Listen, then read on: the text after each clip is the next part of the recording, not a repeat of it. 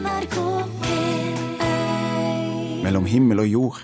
Jack Johnson åpna forestillinga her i dag. Det er bedre når vi er sammen, sier han. Margrethe Nåvik heter jeg, som er aldeles enig, og har et håp om selskap av deg i en time eller to. Vi beveger oss høyt og lavt, et sted mellom himmel og jord, fram til klokka elleve. Og dagens første spørsmål er ganske enkelt. Hva gjør du hvis et barn legger en nyfelt tann i et vannglass? Ja, de fleste av oss vil vel følge opp, snike oss inn på soverommet og bytte tann mot mynt. Men hvorfor gjør vi det egentlig? Hvorfor anstrenger vi oss for å få ungene til å tro på tannfeen? Er de her historiene om eh, tannfeen og julenissen og påskeharen for den saks skyld viktig for ungene, eller er den viktig for oss? Dattera til vår reporter Lise Sørensen hun mista nettopp sin første tann, og med det så fikk Freya sitt aller, aller første besøk av, ja, det var vel tannfeen? Så kan jo tannfeen fly. Det så at den fløy. Og den er så liten at den nesten ikke så den. Klarer den å bære noen stor penge? Ja. Oi. Nå får jeg gjennom med En så liten? Ja. Og Det er på grunn av at de har litt sånn magi, at de klarer å krympe pengene. Når de kommer tilbake inn der, så bare woho! Så blir den stor som en vanlig penge. Det er bare noen få dager siden dattera mi Freya på snart seks år mista sin første tann. Nå sitter hun i køyesenga si sammen med venninna Molly og forteller om begivenheten. Det var bra, men jeg blødde ganske masse. Men kom tanna ut av seg selv? Nei, pappa dro den ut. Samme kveld gjorde hun som de fleste norske barn. Hun fylte opp et glass med vann og putta melketanna si oppi 3, 2, 1, før glasset ble satt ved siden av senga. Et par timer seinere lista noen seg inn på rommet, fiska opp tanna og putta penger oppi glasset med vann. Lille Pernille på tannfeen så den vakre feen som var der nå. Illusjonen om tannfeen er viktig å ta vare på lengst mulig, mener fembarnsmor Miriam Hagen. Hun har skrevet bok om både tannfeen og regnbuens gull, og har manus klart om påskeharen. Miriam mener at barneillusjonene er viktig for utviklinga av fantasien til barna. Jeg tror det fører litt kreativitet med. Det gir en glede. Det å kunne ha noe tro på, det å vite at den vonde tannfellinga den fører noe godt med seg. Og det med spørsmål rundt hvor tennene blir hen og sånne ting, så skaper vi en litt sånn fantasiverden. For det å være liten og kunne bevare fantasien er veldig viktig. Hva er det viktig for? Det å bevare barnesinnet så lenge som overhodet mulig. Vi blir fort tidlig voksen. Når vi begynner på skolen, så får vi en brå start med alt som er realitet, alt som er virkelig. Vi er voksne vi er veldig opptatt av at ungene skal bli fort store og ta ansvar og bli selvstendige og sånn, men litt av den fantasien tror jeg er med å utvikle ungene kreativt senere i livet. Og det bekrefter professor i barnepsykologi ved NTNU Carl Jacobsen. Han mener sånne fantasier gjør at barn ser at verden ikke bare består av helt konkrete ting. Men utvikle en evne til å kunne spøke, være underfundig, gå ut av ramma de er i. Og, så at den utvikling av fleksibilitet på mange måter, at du skjønner at folk ikke mener ting bokstavelig, at folk noen ganger spøker. og Det fører til at de blir mer vitale og livlige og ja, gjør overraskende ting. Men hvor langt skal man gå for å la barna tro på historiene om tannfeen, påskeharen og julenissen? Mange barn skjønner jo at noe skurrer, sånn som Molly på seks år når det gjelder julenissen. Når jeg er hos bestefaren min på julaften, så treffer jeg den ordentlige julenissen. Han er egentlig aldri ordentlig, fordi at det er en vanlig mann bare. Fordi at det tror jeg naboen. Jeg vet ikke helt. Men så julenissen fins egentlig ikke, da, eller? Nei. Jo da, jeg tror ikke det. Jeg tror det. Miriam Hagen mener vi skal strekke fantasien hos barna så lenge som mulig. Også for de barna som syns julenissen er litt skummel. Da en av døtrene hennes ble redd for julenissen, laga hun sin egen vri på historien. Det jeg da gjorde, istedenfor at vi fikk julenissen på besøk, da tok jeg ordna fotspor i aska som gikk inn til peisen. Eh, og fortalte at det var hjelperne til julenissen som har vært her og levert gaver. For de skjønte jo det når de begynte å bli en fem-seks år, at julenissen rakk ikke over alle husene i hele verden. Og da slutta de å være redd for julenissen. Hjemme hos oss var det ikke julenissen, men en annen figur som dukker opp rundt påsketida, som var skummel. Når jeg var liten, så var jeg livredd for påskehanen. Hvorfor det? Jeg trodde liksom at det var en hare som var slem, men ja, godteri egg. Freya var så redd at påskeegg gjemt i hagen var langt fra hyggelig. Og jeg tenkte ikke lenger enn at jeg måtte avsløre påskeharen som mamma og pappa for å gjenopprette påskefreden. Det får konsekvenser når venninna Molly er på besøk og forteller om hva hun fikk av påskeharen. Masse godteri!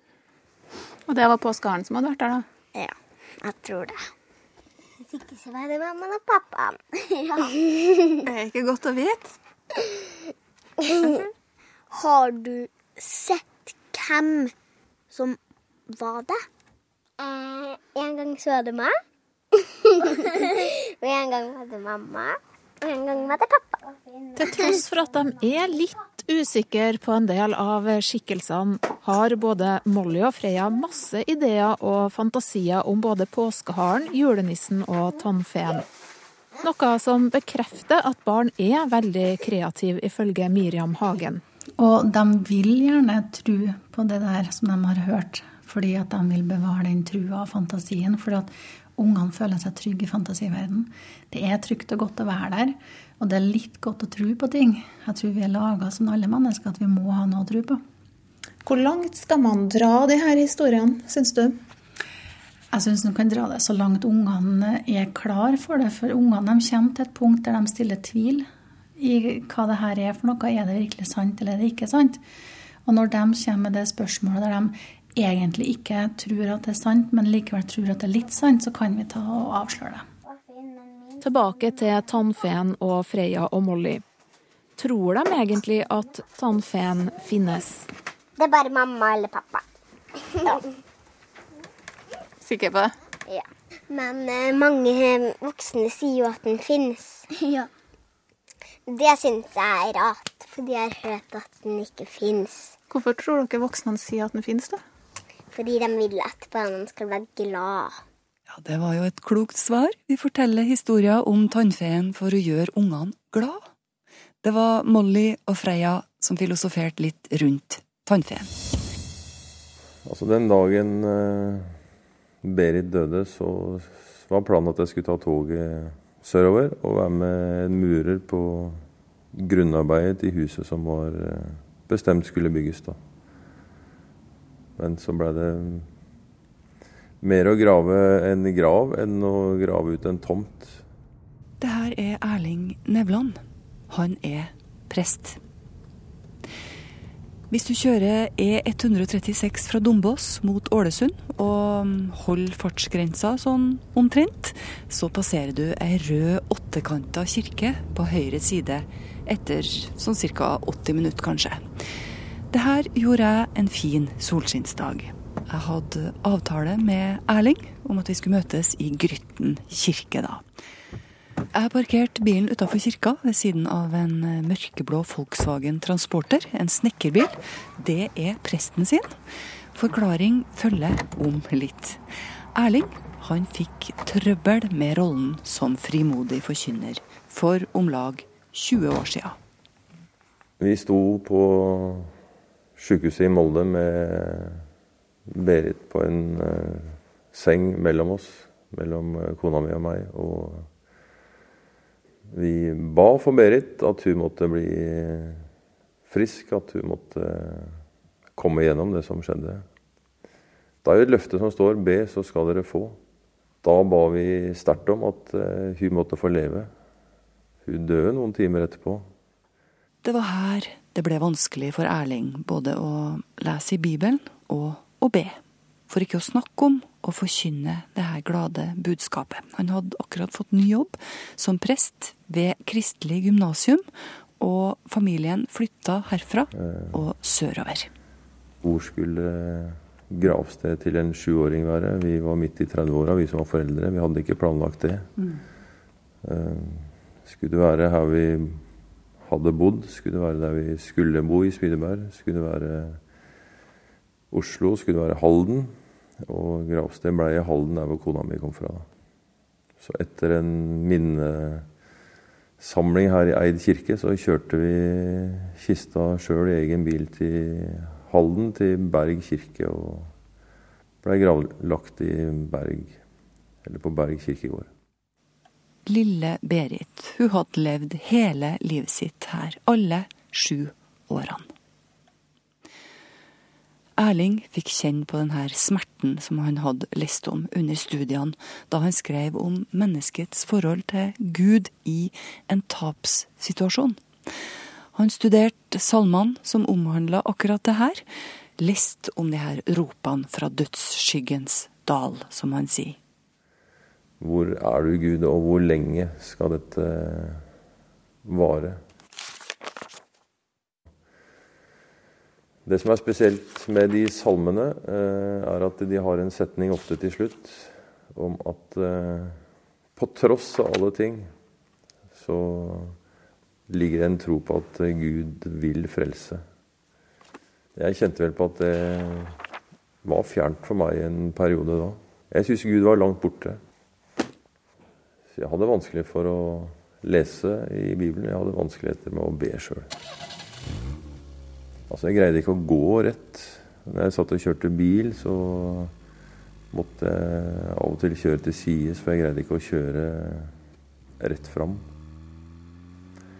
Nei, da følte jeg meg som eh, ganske lite, rett og slett.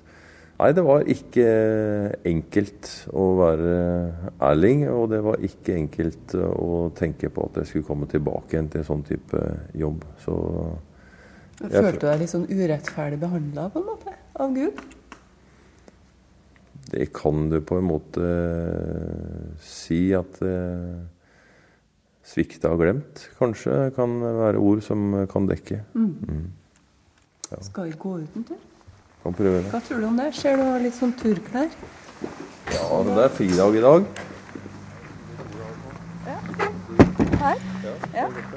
En fin, liten blome. Det her er Berit sin sang.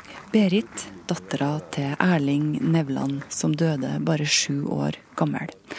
Erling han er altså prest, men eh, de her ordene han skulle forkynne, de ble vanskelig å forholde seg til etter det her. Det var lettere å håndtere vinduer og dører, for å si det sånn. Og så var det sånn at min bror skulle bygge hus, men på den tomta så sto det et eh, lite gammelt hus. Og da blei det til at jeg eh, reiv det huset ned del for del. Og det, det stemte og samsvarte ganske godt med egen livssituasjon, rett og slett. Å rive det huset ned. Så jeg fulg, følte jo fortsatt en sånn nedrivelsesprosess og riveprosess i mitt eget liv. Men så fikk jeg være med på oppbyggingsdelen òg. Bare noen timer om dagen den første tida. Men så etter hvert da så eh, ble jeg spurt om jeg skulle slå inn på en annen eh, retning for en periode. Bare for å komme tilbake, da. Og da ble det til at jeg begynte med tømrerne som bygde huset. Og så gikk jeg inn på en eh, lærlingkontrakt og tok svennebrev og mesterbrev som tømrer i løpet av noen år. da. Hva hadde det å si at du, at du gjorde noe sånn helt praktisk, tror du? Nei, For meg så var nok det viktig Jeg kunne nok sikkert bare ha blitt sittende eller blitt værende ute enda lenger, men i og med at jeg er ja, en forholdsvis Hvis jeg skal si fysisk person og glad i å være ute, så var det å gjøre praktisk arbeid noe som var bra. da. Og det å skape noe, og når du går hjem for dagen og ser at du har produsert noe, det er fint, det. Samtidig så var det lettere å forholde seg til dører og vinduer og tak og vegger enn eh, levende personer i den perioden. Hei, hei. Men eh, denne delen med trua. Hvordan er den annerledes nå enn for 20 år siden? Før det her skjedde? før du mista dattera di? Det er kanskje sånn at eh, altså Med sånne type livserfaringer da, så blir du ja, Kan si at eh, troen på en måte modnes, men det er en eh, det er kostbar modningsprosess, da. Eh, sånn i forhold til eget liv, så, så får du et eh, videre perspektiv på et vis.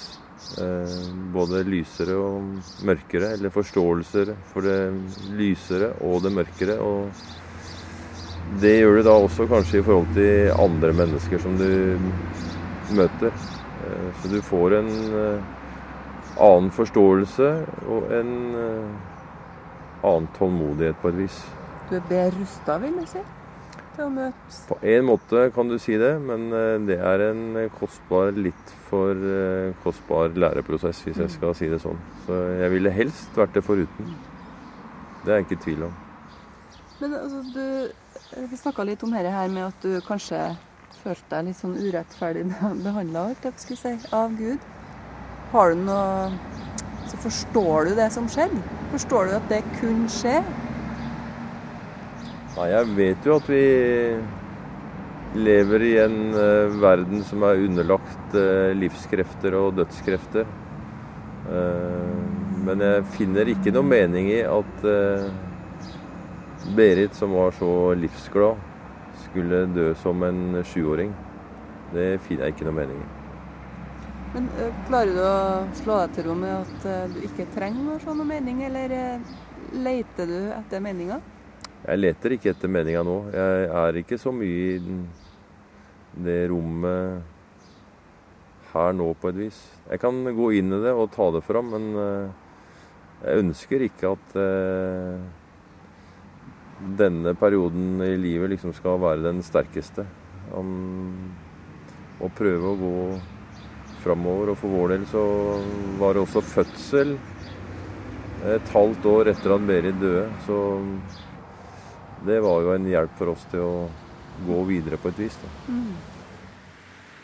Det sier Erling Nevland fra kirketrappa på Grytten kirke. Erling han kom tilbake til gamle trakter tidligere i år, og er nå prost i Indre Romsdal prosti.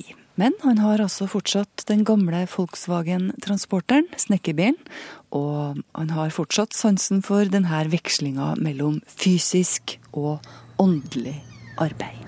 Hei, jeg heter Arnfinn Christensen. Jeg er forskningsjournalist. Jeg står foran Vitenskapsmuseet her i Trondheim. Nå skal jeg gå inn og snakke mer om hvordan ny teknologi ikke bare vil gi oss et liv etter døden, men et liv som kan forlenges kanskje nesten evig her i dette livet.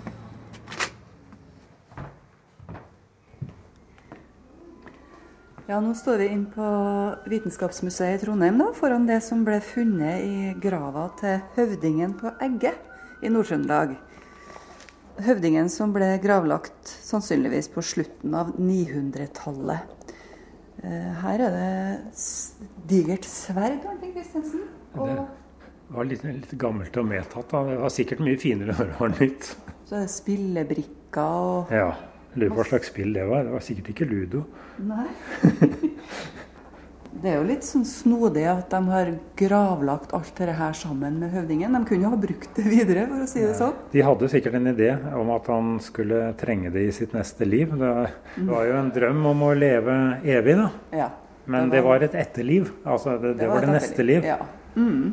Jeg snakka med en konservator her som sa det at det var en slags sånn Så Vi kan sammenligne det med en sånn startpakke fra Ikea. Ja. Det var noe å klare seg med de første strevsomme dagene i det nye livet. Kunne han slå vilt om seg med sverdet og jage unna plagsomme Men det var også For den her eh, ideen om at Eller et ønske om at livet ikke skal slutte med, med døden, da, den Ja. jordiske døden. Ja. Det jobbes rundt i verden og forskes på hvordan vi skal liksom få lurt denne døden. Er det sannsynlig at vi klarer å lure den? Ja, det blir jo den første gangen som menneskene ikke bare drømmer om et evig liv etter døden, men et evig liv i vårt nåværende liv. Og det kan man jo si at det er garantert umulig. Og den enkle grunnen at la oss nå si vi klarer å forlenge livene våre med 2000-3000 år, så er det nesten ugjenkallelig eh, sannsynlig at vi kommer til å skli på en såpe i badekaret og brekke nakken i løpet av 2000-3000 år. Så ulykker kan vi aldri bli kvitt. Men vi kan få 2000-3000 år til, tenker du da? Eh, vi kan iallfall stanse kroppens eh, tendens til å vrake seg selv. Den kan vi stanse, for det er jo det den gjør. Altså Døden er ikke noe uunngåelig.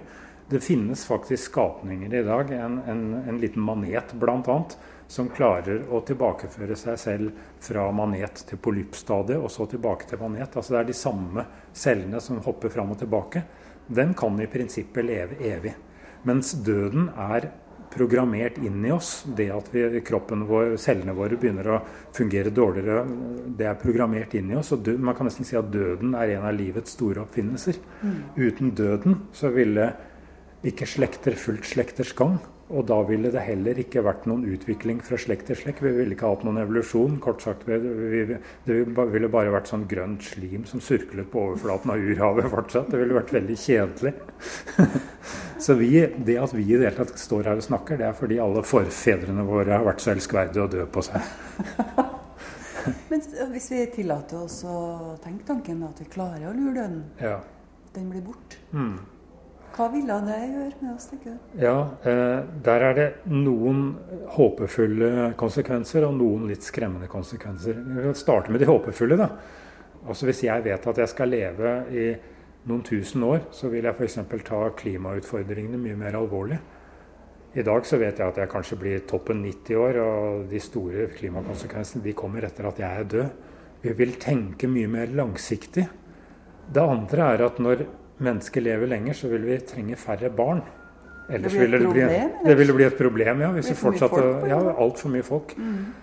Hva vil det gjøre? Jo, det vil gjøre at hvert barn blir mye mer verdifullt. Vi vil bli tvunget til å se et barn som en virkelig langsiktig investering. Altså Hvis noe går gærent med et barn, så vil, vi, så vil uh, de sosiale budsjettene måtte lide av det i de neste 2000 årene. Det vil si at hvert barn virkelig blir tatt hånd om som den fantastisk verdifulle skapningen det er. Jeg tror det vil tvinge oss rett og slett til å bli mye mer øh, langttenkende og klokere mennesker.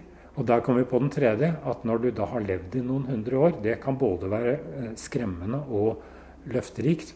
Hvordan vil du være når du har levd i 400 år? Du har sett kanskje flere revolusjoner, du har sett flere omveltninger i verdenshistorien. Du er en levende historiebok selv.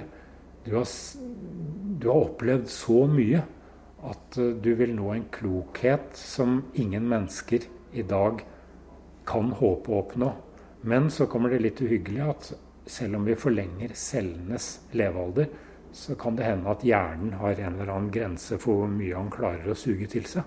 Det er jo ting som tyder på det i dag. Eldre mennesker lærer langsommere enn yngre. Og det har man trodd var fordi hjernen gikk sakte i stykker, men det er ikke det. Det er det at vi har så mye oppi der fra før av som vi må relatere den nye vi lærer til. Altså vi, vi har så mye vi må koble den nye kunnskapen sammen med av eh, kunnskap fra før av. Her må vi inn med en eh, ekstern harddisk, kanskje? Ja, og det er jo også noe som eh, f.eks. Ray Kurzweil, som er en av futuristene som jeg syns er en veldig spennende mann. Han, Google-mann, ikke det? Han er nå ansatt i Google, ja. Han mener at vi kan uploade, altså at vi kan laste hjernene våre over i en datamaskin, eller gjøre koblinger mellom menneske og datamaskin.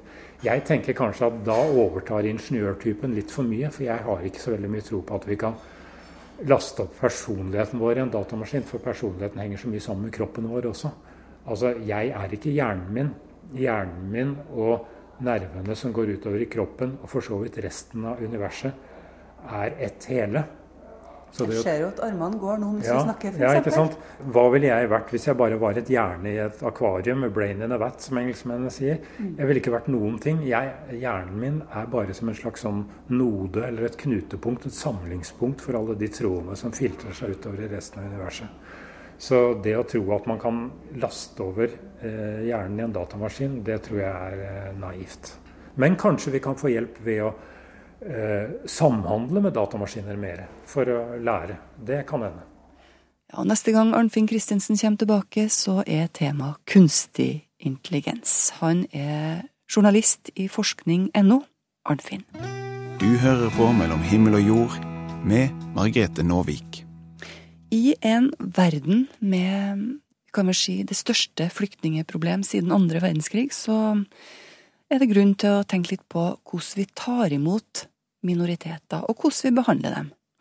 En av de første innvandrergruppene som kom til Norge i moderne tid det var jødene, som var utsatt for forfølgelse i Russland og Øst-Europa, mellom annet.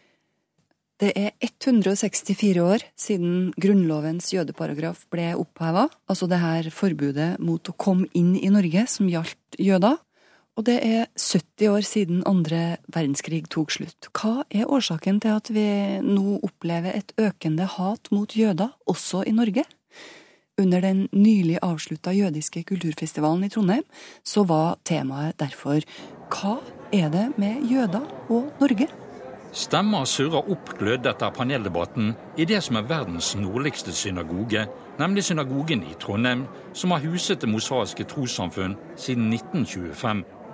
Og mens noen hundre tilhørere er på vei ut, er like mange på vei inn til et nytt arrangement i den jødiske kulturfestivalen. Panelsamtalen tok utgangspunkt i at Norge har et komplisert forhold til sin jødiske minoritet. En av de tre paneldeltakerne, redaktør Harald Stanghelle i Aftenposten, mener dette om årsaken. Altså Norge har jo ingen lang historisk tradisjon med å ha minoriteter her. Og de vi har hatt, de har vi behandla dårlig. Det gjelder også jødene. Det norske sjølbildet er nok ofte at antisemittisme var noe som tok slutt etter oppgjøret etter krigen. Slik er det ikke. Antisemittismen den levde i beste velgående før eh, nazistene introduserte den i all sin eh, gru. Eh, og den har vist seg utrolig seigliva også i vår tid. Jeg tror faktisk vi har fortrengt den delen av historien. Eh, det kommer rapporter fra eh, Oslo-skolen ikke minst om lærere som eh, blir nærmest pepet ut når de underviser om holocaust. Vi har unge jødiske stemmer som forteller om mobbing hvis de går med davidsstjerne. Altså Vi ser en nygammel antisemittisme som er skremmende, og som er et uttrykk for vår tid, både i Norge og i en rekke europeiske land. Men Kan dette skyldes forhold, forhold som f.eks. For Israels politikk i forhold til eh, Palestina osv.? Eh, ikke nødvendigvis. Jeg tror at eh, det antisemittiske spøkelset stikker dypere eh, i den europeiske sjela enn det som har med Israel og Israel-kritikk å gjøre. Men for noen er nok det siste et påskudd for nettopp å gi uttrykk for antisemittiske holdninger. Men det er fullstendig legitimt å kritisere den israelske okkupasjonspolitikken og samtidig være oppmerksom oppmerksom på og advare mot og bekjempe eh, jødehatet. Eh, nå er vi som sagt på den jødiske kulturfestivalen i Trondheim. Hvor viktig er det at man klarer å vise frem eh, denne minoritetskulturen til eh, si, i gåsene vanlige nordmenn? Jeg tror det er veldig viktig. Eh, vi har en liten, men veldig viktig jødisk minoritet i Norge. Og nettopp å aminneliggjøre den tilstedeværelsen, eh, det er eh, et viktig moment i alt det arbeidet som dreier seg om bekjempelse av antisemittisme. Marte Michelet er journalist og forfatter. I fjor kom hun ut med den bejublede boken 'Den største forbrytelsen'. Som den andre deltaker i panelsamtalen mener hun at man her til lands har en lang historie med skepsis til jødene. Norge har alltid hatt et problematisk forhold til jødene. Eh, det er en historie som går helt tilbake til når Olav den hellige beordra at alle undersåttene i dette landet skulle tilhøre den kristne tro. Eh, så det er en tusen år lang historie, rett og slett. Og så tror mange at det ble oppheva når jødeparagrafen ble oppheva. Da var det eh, en god stemning rundt eh, å være jødisk fra 1850 til eh, krigsutbruddet. Men det stemmer ikke. I, på 10-tallet, 20-tallet og 30-tallet så var det en klart antisemittisk holdning fra eh, politi og justisvesen, eh, fra ledende politikere eh, og fra store deler av pressa. sånn at det finnes en lang og uh, sterk kontinuitet i det norske ønsket om å holde jødene unna. Uh, og en idé om at jødene ikke kan være gode nordmenn. Uh, nå ser vi jo at tidsvitnene de dør ut, og, og, vi har jo bare filmer, bøker osv. Og, så og den historiske forskningen å støtte oss på når det gjelder disse tingene her. Hvor flink er vi å gjøre oppmerksom på dette i skolene? At denne historien som som, som, vi har, og også holdninger som vi ser i dag. Jeg tror skolen har blitt mye bedre på å vise fram eh, den norske holocaust-historien. Når jeg vokste opp, så det, eh, hadde jeg ingen følelse av at Norge hadde hatt en jødisk minoritet som nesten ble utsletta under krigen. Da var krigen noe som hadde skjedd et eh, Da var holocaust noe som hadde skjedd et annet sted. Nå er det ikke sånn lenger. Sakte blir det bedre. Men det er fortsatt mye å gjøre. Jeg syns f.eks. at norske skoleelever eh, bør dra til Berg, til den norske konsentrasjonsleiren som fantes i Vestfold, hvor det satt jøder internert under hele krigen. Eh, at vi må løfte fram eh, de delene av, eh, av, den norske holocaust-fortellinga som gjør det lettere å forstå eh, hvorfor det kunne skje. Eh, jeg syns det er flott at man drar til Auschwitz i Polen, men Berg ligger nærmere, og Berg angår oss på en annen måte. I synagogen i Trondheim venter også den tredje paneldeltakeren tålmodig på å bli intervjuet. Historiker Øyvind Kopperud er forsker på Holocaust-senteret i Oslo og har hatt ansvaret for en undersøkelse om antisemittismen i Norge. Han mener det å vise frem den jødiske kulturen er en viktig del av kampen mot antisemittisme. Det er utrolig viktig for å alminneliggjøre det jødiske. Eh, et av mine hovedpoenger har alltid vært at eh, i norsk historie blir ofte jødene presentert enten gjennom eh, holocaust, hvor de da er ofre, eller gjerne gjennom Israel-Palestina-konflikten, hvor de da er overgripere. Derfor er det utrolig viktig å få frem den utfattelig rike jødiske kulturen som er i Europa, også i Norge, og vise det som en naturlig del også av norsk historie. Dette er en del av norsk historie. Uh, nå hadde dette møtet uh, tittelen 'Hva er det med Norge og jødene?' Så hva er det med Norge og jødene? Det er et veldig godt spørsmål, men jeg tror mye av dette handler også om den uh, kristne humanistiske arven, hvor jødene også naturlig nok har en uh, veldig sentral plass, også i vår kristne uh, del av verden. og Derfor så har jødene på en måte fått tildelt også en rolle i dette, som Europa og Norge til tider har hatt store problemer med å forholde seg til. Eh, og Derfor så er jo diskusjoner, temaer og debatter som omhandler jøder og det jødiske, overrepresentert i forhold til eh, befolkningen, eh, jødiske befolkningen i Norge. Men Man sitter jo litt sånn selvtilfreds her i Norge, og så ser man på resten av Europa der det har vært terroranslag osv. Mot, mot jødene. Men man skal jo ikke lenger enn til København for å se uh, voldsomheten i dette. Har vi noe å være stolt av? Nei, vi har lite å være stolte av. og jeg tror at eh, Når det gjelder terroranslag, så som nevnte, det var i København, det var også i Paris. Her i Norge, så eh, hver gang jeg går til en synagoge, så blir jeg egentlig litt trist. Jeg må innom diverse sikkerhetssluser. Eh, og Det er jo det eneste, så vidt jeg vet, hvor det er konsekvent sikkerhetssluser for å komme inn i et gudshus. Og Det gjør meg bare trist og lei meg. Han sier også hvor langt, hva vi må passe på også her i landet. Selv om det ikke har skjedd noe ennå, så har vi hatt skudd på synagoger i Oslo tidligere. Og ingen skal komme og fortelle meg at sånne ting ikke kan skje her. Blir du selv skremt når du ser på hva som, som skjer og holdninger som man møter rundt omkring? Ja, det gjør jeg. Altså, jeg jobber jo med dette som profesjon, og jeg møter jo antisemittiske holdninger ukentlig. Eh, mer eller mindre kamuflert. Eh, så jeg ser at vi har et lang, langt stykke å gå før vi er eh, og jeg, Som Harald Stanghelle også har sagt uh, tidligere i dag, så uh, må vi på en måte fortsette kampen, selv om vi aldri kommer til å vinne den. Det var reporter Jan Rye Ravnestad som uh, var på den jødiske kulturfestivalen i Trondheim.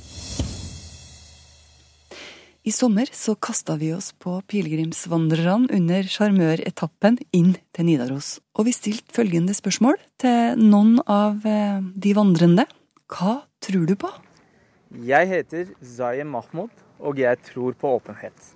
Eh, med åpenhet eh, Det som er Vi er jo her for eh, dialog. Og det er jo ikke mulig, mulig, med dialog uten å være åpne med hverandre. Kommer det helt av seg sjøl, åpenhet, eller må du jobbe for å være åpen? Jeg tror at det må jobbes litt. Og litt av den, denne turen her, eller sjarmen med denne turen her, er at man ser hverandre gå, man er slitne, man er trøtte og man har vondt i beina osv. osv. Man ser hverandre være svake. Og det fører til mer åpenhet. For nå har dere gått sammen, kristne, mm. muslimer og jøder. Mm. Det sånn? Ja. Eh, vi starta på Hjerken. Mm. Derifra har vi vandret til Kongsvoll. Så dere har gått noen mil, da? Er det ja. sånn? Ja. Men eh, altså, hva er det som kommer fram når folk er sliten? Hva skjer med deg når du er sliten? Jeg blir jo litt uh, Man ser det litt på øynene, man ser det litt på gåstilen og man, man, man på en måte setter ned uh, forsvaret sitt, da. Ja. For at når man er sliten, så, så, orker man rett og slett ikke å være en annen person. Eller å være en politisk person. ikke sant? Man orker ikke å være politisk korrekt. Man sier ting som det er. Man er åpne. OK, vet du hva. Det der er jeg ikke enig med. Man, man blir litt mer sånn uformelle. Mm. Det, det, å på en måte å gå sammen eh, gjennom fjeller og skog og eh, vanndammer og forbi elver og Det er en helt annen måte å ha en dialog på. For her har vi opplevd det å på en måte gå. Ikke sant? Vi har hjulpet hverandre over her og der. Ikke sant? Og jeg personlig føler at jeg har blitt veldig godt kjent med absolutt alle som har vært med på turen. Fordi dere har vist dere sårbar og sliten? Ja, egentlig. Ja. Så en god idé er det her, altså. Gå, ja. gå, sammen, bli sliten og sårbar, og mer åpen. Ja. Det er en god, eh, god måte for å åpne seg selv på, da. Mm. Og på en måte vise hverandre OK, det her er meg. Har du blitt kvitt noen fordommer, eller? Tenkte du noe om dem du gikk sammen med som du måtte tenke om igjen? Uh, jeg har jo egentlig veldig mange kristne venner. Uh, jeg har et par jødiske venner. Uh, så på en måte sånn sett har jeg ikke hatt noen fordommer mot dem. Eh, men det er litt det at OK, har gått med en minister, en statsråd. Mm. Hun har vært en av oss på turen. Til og med kulturministeren ble skitten på ja, buksa. Og... Ja, ikke sant. Så det er litt den Det har jo vært en sånn spesiell opplevelse, det også. Ja, du, had, du hadde kanskje litt fordommer, ikke ja, mot kristne og jøder, men mot statsråd? Ja, ja, for jeg tenkte OK, hun er jo statsråd. Hun kan jo ikke liksom, gå med oss vanlige mennesker, for å si det sånn. Og så en annen ting som jeg nevnte tidligere òg. Det vanlige bildet av prester som jeg har, er A4-prestene. Mm. Enten gamle menn med litt skjegg, grått hår. Ja. Eller hvitt hår. Tenker på han Kvarme. Ikke sant? Da har jeg også hatt noen kvinnelige prester, hatt noen kontakt med dem. Og de har også vært veldig sånn A4. Og det er, det er, den tanken jeg har hatt. Ok, det der er Sånn er en prest. En vanlig norsk prest i Den norske kirke. Mm. Men så har jeg møtt Sunniva Gylver. Rastafletter. Rødt hår og Buffalo-sko. Ja. Ikke sant? Jeg syns det er helt fantastisk. Her ser man jo da forskjellen, selv innen Den norske kirke. Det syns jeg har vært veldig fantastisk. Ja, det sier Zayem Mahmoud, som altså gikk pilegrimsvandring sammen med Toril Vidvei og Sunniva Gylver, mellom andre, i sommer. NRK P1. Vi prøver å skaffe oss et overblikk over homofiliens historie her i mellom himmel og jord. Til å hjelpe oss så har vi Trond Sot Ryne gående på Skeivt arkiv i Bergen. Det er Runar Joran og Heidi Rafto som viser Trond rundt. Og i dag så har vi kommet fram til siste halvdel av forrige århundre. Her er vi da kommet i, i boksamlingen til Skeivt arkiv. Her er boksamlingen til Skeivt arkiv. Og eh, hva slags bøker er det du har? Eh, her har vi eh, alt mulig av bøker som omhandler homoseksualitet. Fra skjønnlitteratur til fagbøker, forskningsrapporter. Ja. Hvor stammer dette fra? Eh, Det som står her, har vi fått mesteparten fra Kim Friele. Det er del av hennes samling som hun ga til oss. Det er, no, det er en god del skjønnlitteratur også, ser jeg. Ja, det er det. Så homofili har vært tema i mange skjønnlitterære bøker òg. Det har det. Alt fra bøker med høy kvalitet til mer sånn eh, kiosklitteratur, som vi også har i en del av i denne samlingen. Altså, det fins vel litt sånn nærmest grenser til pornografi òg, kanskje? Ja, vi har, eh, vi har setter en viss grense. at Vi tar ikke imot kanskje rein fotografiske magasiner, men, men noe av det er jo også av historisk interesse. Nye norske sengehester, f.eks. ja, akkurat den boken. Norske forfattere skriver erotisk, nettopp. Ja. Og her har vi jo en klassiker, 'Ensomhetens brønn', som er en klassisk eh, roman om lesbisk kjærlighet. Som eh, ender veldig tragisk, men det er i hvert fall en av de første som omtaler dette fenomenet. Da. Og vi har tidsskrifter, Ja. annet eh, Mulius. ja. Oslo DNF, altså Norske Forbundet av 48. Ja, de ga ut dette tidsskriftet som etter hvert får navnet Mulius. Hva, hva ligger i Mulius? Umulius? Her ligger til og med Postjury Metallica for abonnement. Og det er veldig interessant, for her ser du at navnet på foreningen er Foreningen for by og bygd. Ja. Som var dekknavnet, da, for forbundet av 1948. Så de kunne ikke gå ut med å si at du betalte inn til forbundet av 1948 heller. Nei. Foreningen for by og bygd, ja. Ja. Eh, du ser jo her eh, Orkester hver tredje søndag. Ole Ivar spiller en 3 kroner 15. Dette var 1973. Ja. Så eh, Ole Ivar spilte på, på homoarrangementer på 70-tallet, altså. Det ser sånn ut, ja. ja. Hvordan, hvordan kom, i hvert fall hvis du går tilbake til den tida hvor dette var eh, mye mer skambelagt, eh, hvordan kom man i kontakt med hverandre? Hvordan man ikke kunne, hvis man ikke kunne annonsere og ikke kunne stå fram? Nei, det er et godt spørsmål. Ja. Man kan jo lese Kim Friele sin beretning om hvordan hun satt på en benk i en park og, og ventet og speidet etter lesbiske og homofile som hun hadde hørt rykter om skulle se sånn og sånn ut. Det skjer noe da utover på 60-tallet, eh, der man begynner da å få større forståelse da for, for dette fenomenet. Her har vi en artikkel fra 1960 allerede, da, der en som heter Finn Grodal. Og det er et pseudonym da fra en som heter Øyunn Eckhoff, som var med i forbundet av 1948, og som var òg den første som skrev ei fagbok om homofili i Norge.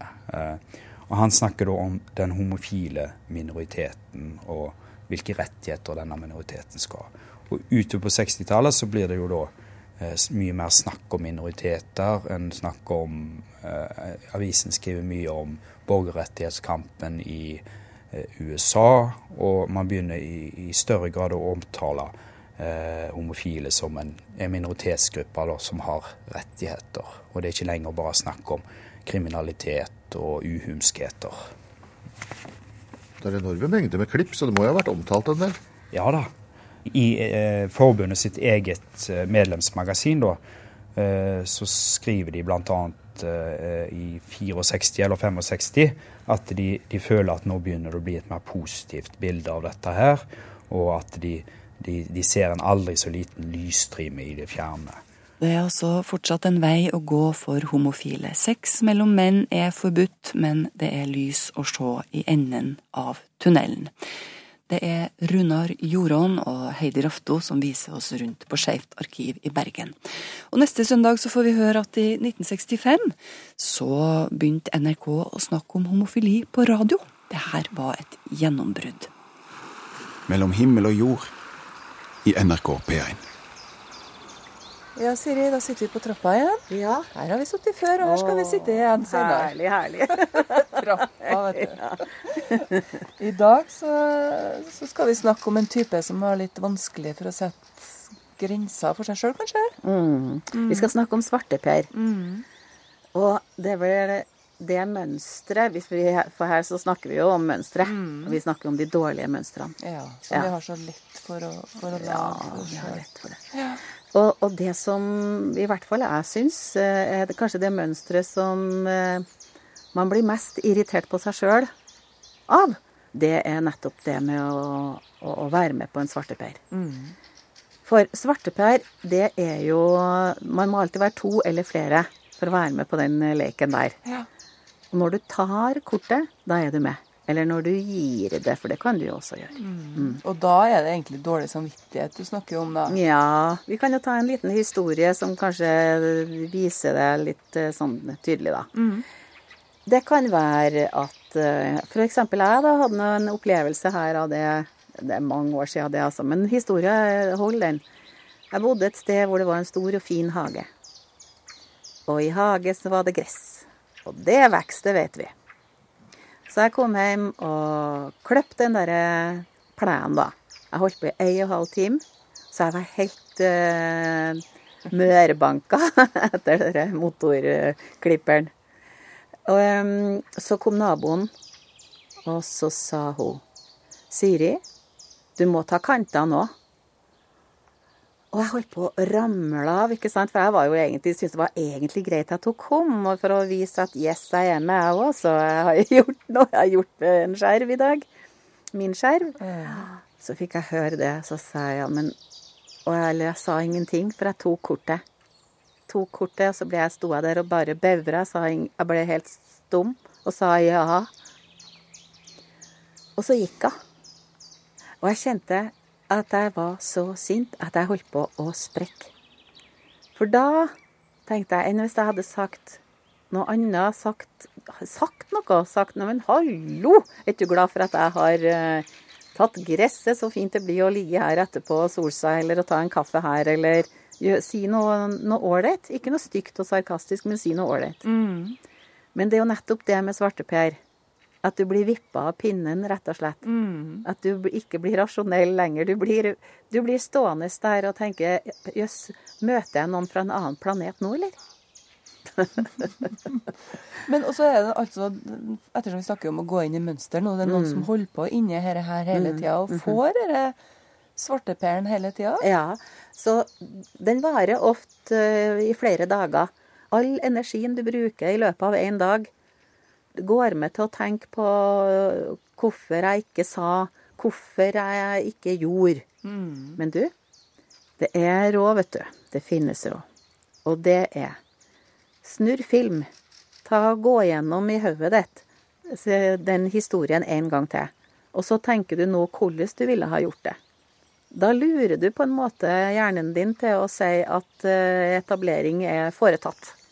Samtidig som du trener deg på at i situasjoner som du har lett for å ta svarteper, så vil du nå kanskje gi deg litt tid. Ta en time-out. For da er du jo rasjonell og vanlig igjen. Mm. Sant? Da sier du jo noe, noe greit Mm. istedenfor å, å ta og være med på spillet. Um, men det skaper, mye, det skaper mye frustrasjon og sinne, ja. Det, det gjør det. Og det er et fryktelig dårlig mønster. Så når du kjenner at du Oi, her er Hva skal du si nå? Ta deg en pause.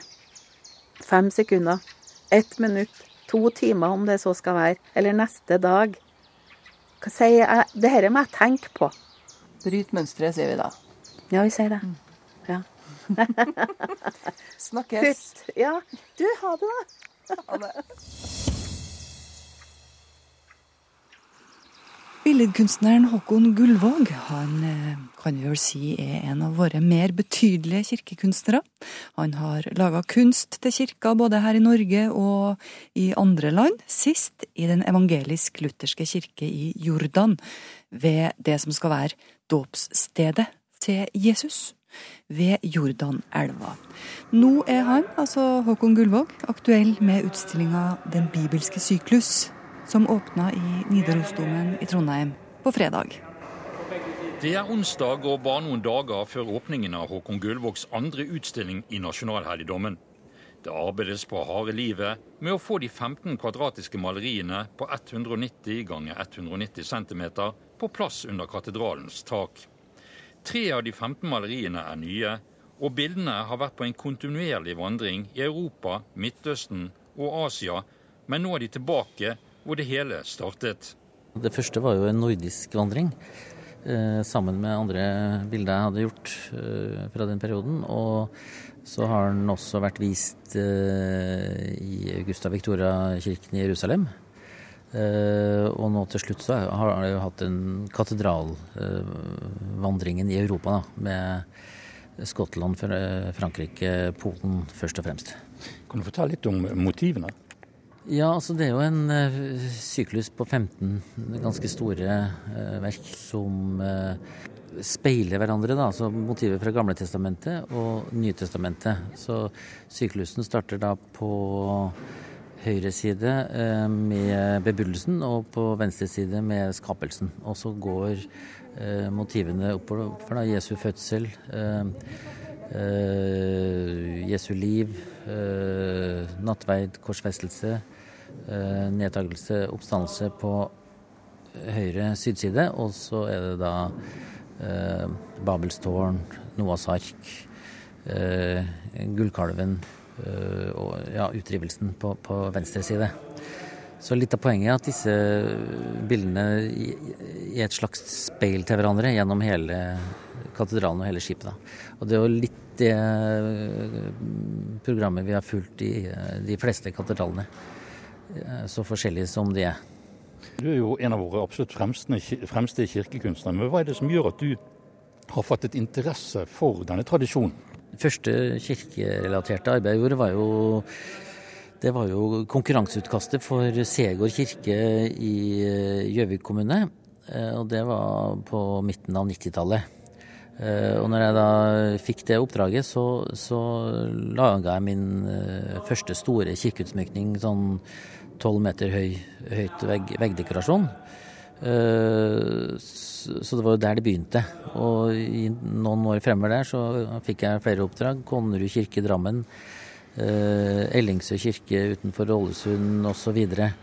Um, så det er et eller annet du har grodd inn i, da, og da i kontakt med det, de første par oppdragene så merka jeg at det lå et slags, en klangbunn der som var veldig aktiv i meg og som har med det bakteppet her. Altså, her er jo også en barndom hvor kirka sto ganske sentralt. Og da, da, da ser jeg plutselig at eh, der var det et stoff som var en del av meg.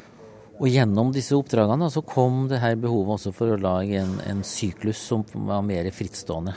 Og den ble jo da først og fremst eh, gjort for Nidarosdomen dette å stille ut i en katedral som du gjør nå, eh, det er ganske spesielt. Hvilke reaksjoner har du fått, både nasjonalt og internasjonalt? Like forskjellig som de stedene er uh, hatt i. Altså, det er, et, det er ganske store sprang fra, ja, fra Trondheim og Stiklestad til Kirkwall på Orknøyene eller Warszawa-katedralen, kirka i Jerusalem. Og jeg har jo hatt enkeltbilder også på utstillingsprosjekt i Kina. Eh, så jeg har jo fått eh, veldig mange og veldig forskjellige eh, reaksjoner. Men paradokset er at de mest forskjellige og hva skal jeg si, varierte reaksjoner har jeg fått i hjembyen. Det, det er jo litt, litt, rart å tenke på. Det er et ganske langt sprang fra den gamle dama jeg møter i Kirkwood til de unge studentene jeg møter i Beijing, foran de samme verkene. Vil, vil du noe spesielt med, med, med kirkekunsten din uh, i forhold til uh, de andre stilartene du arbeider med? Altså, eh, jeg har jo en liten sånn hang til å, til å gå ut av de der friserte uh, arenaene for å presentere billedkunst. Og jeg syns at jeg er veldig opptatt av steder hvor, hvor bildet får noen tilleggsdimensjoner. Det gjør du for så vidt også når du jobber med portretter i en offentlig bygning. Eh, du møter et annet publikum enn i et museum. Eh, når jeg maler på, på muren i Ramallah, eh, eller når jeg rykker det her inn i katedralen, så, så, oppstår det noen andre sider også ved hvordan bilder kommuniserer. Og det, det fascinerer meg.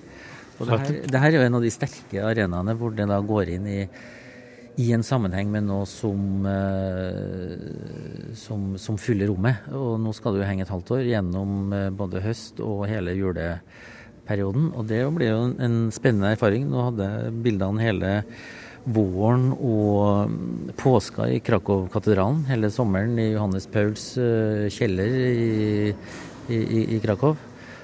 Og så blir det da vinteren og jul i Nidaros, da.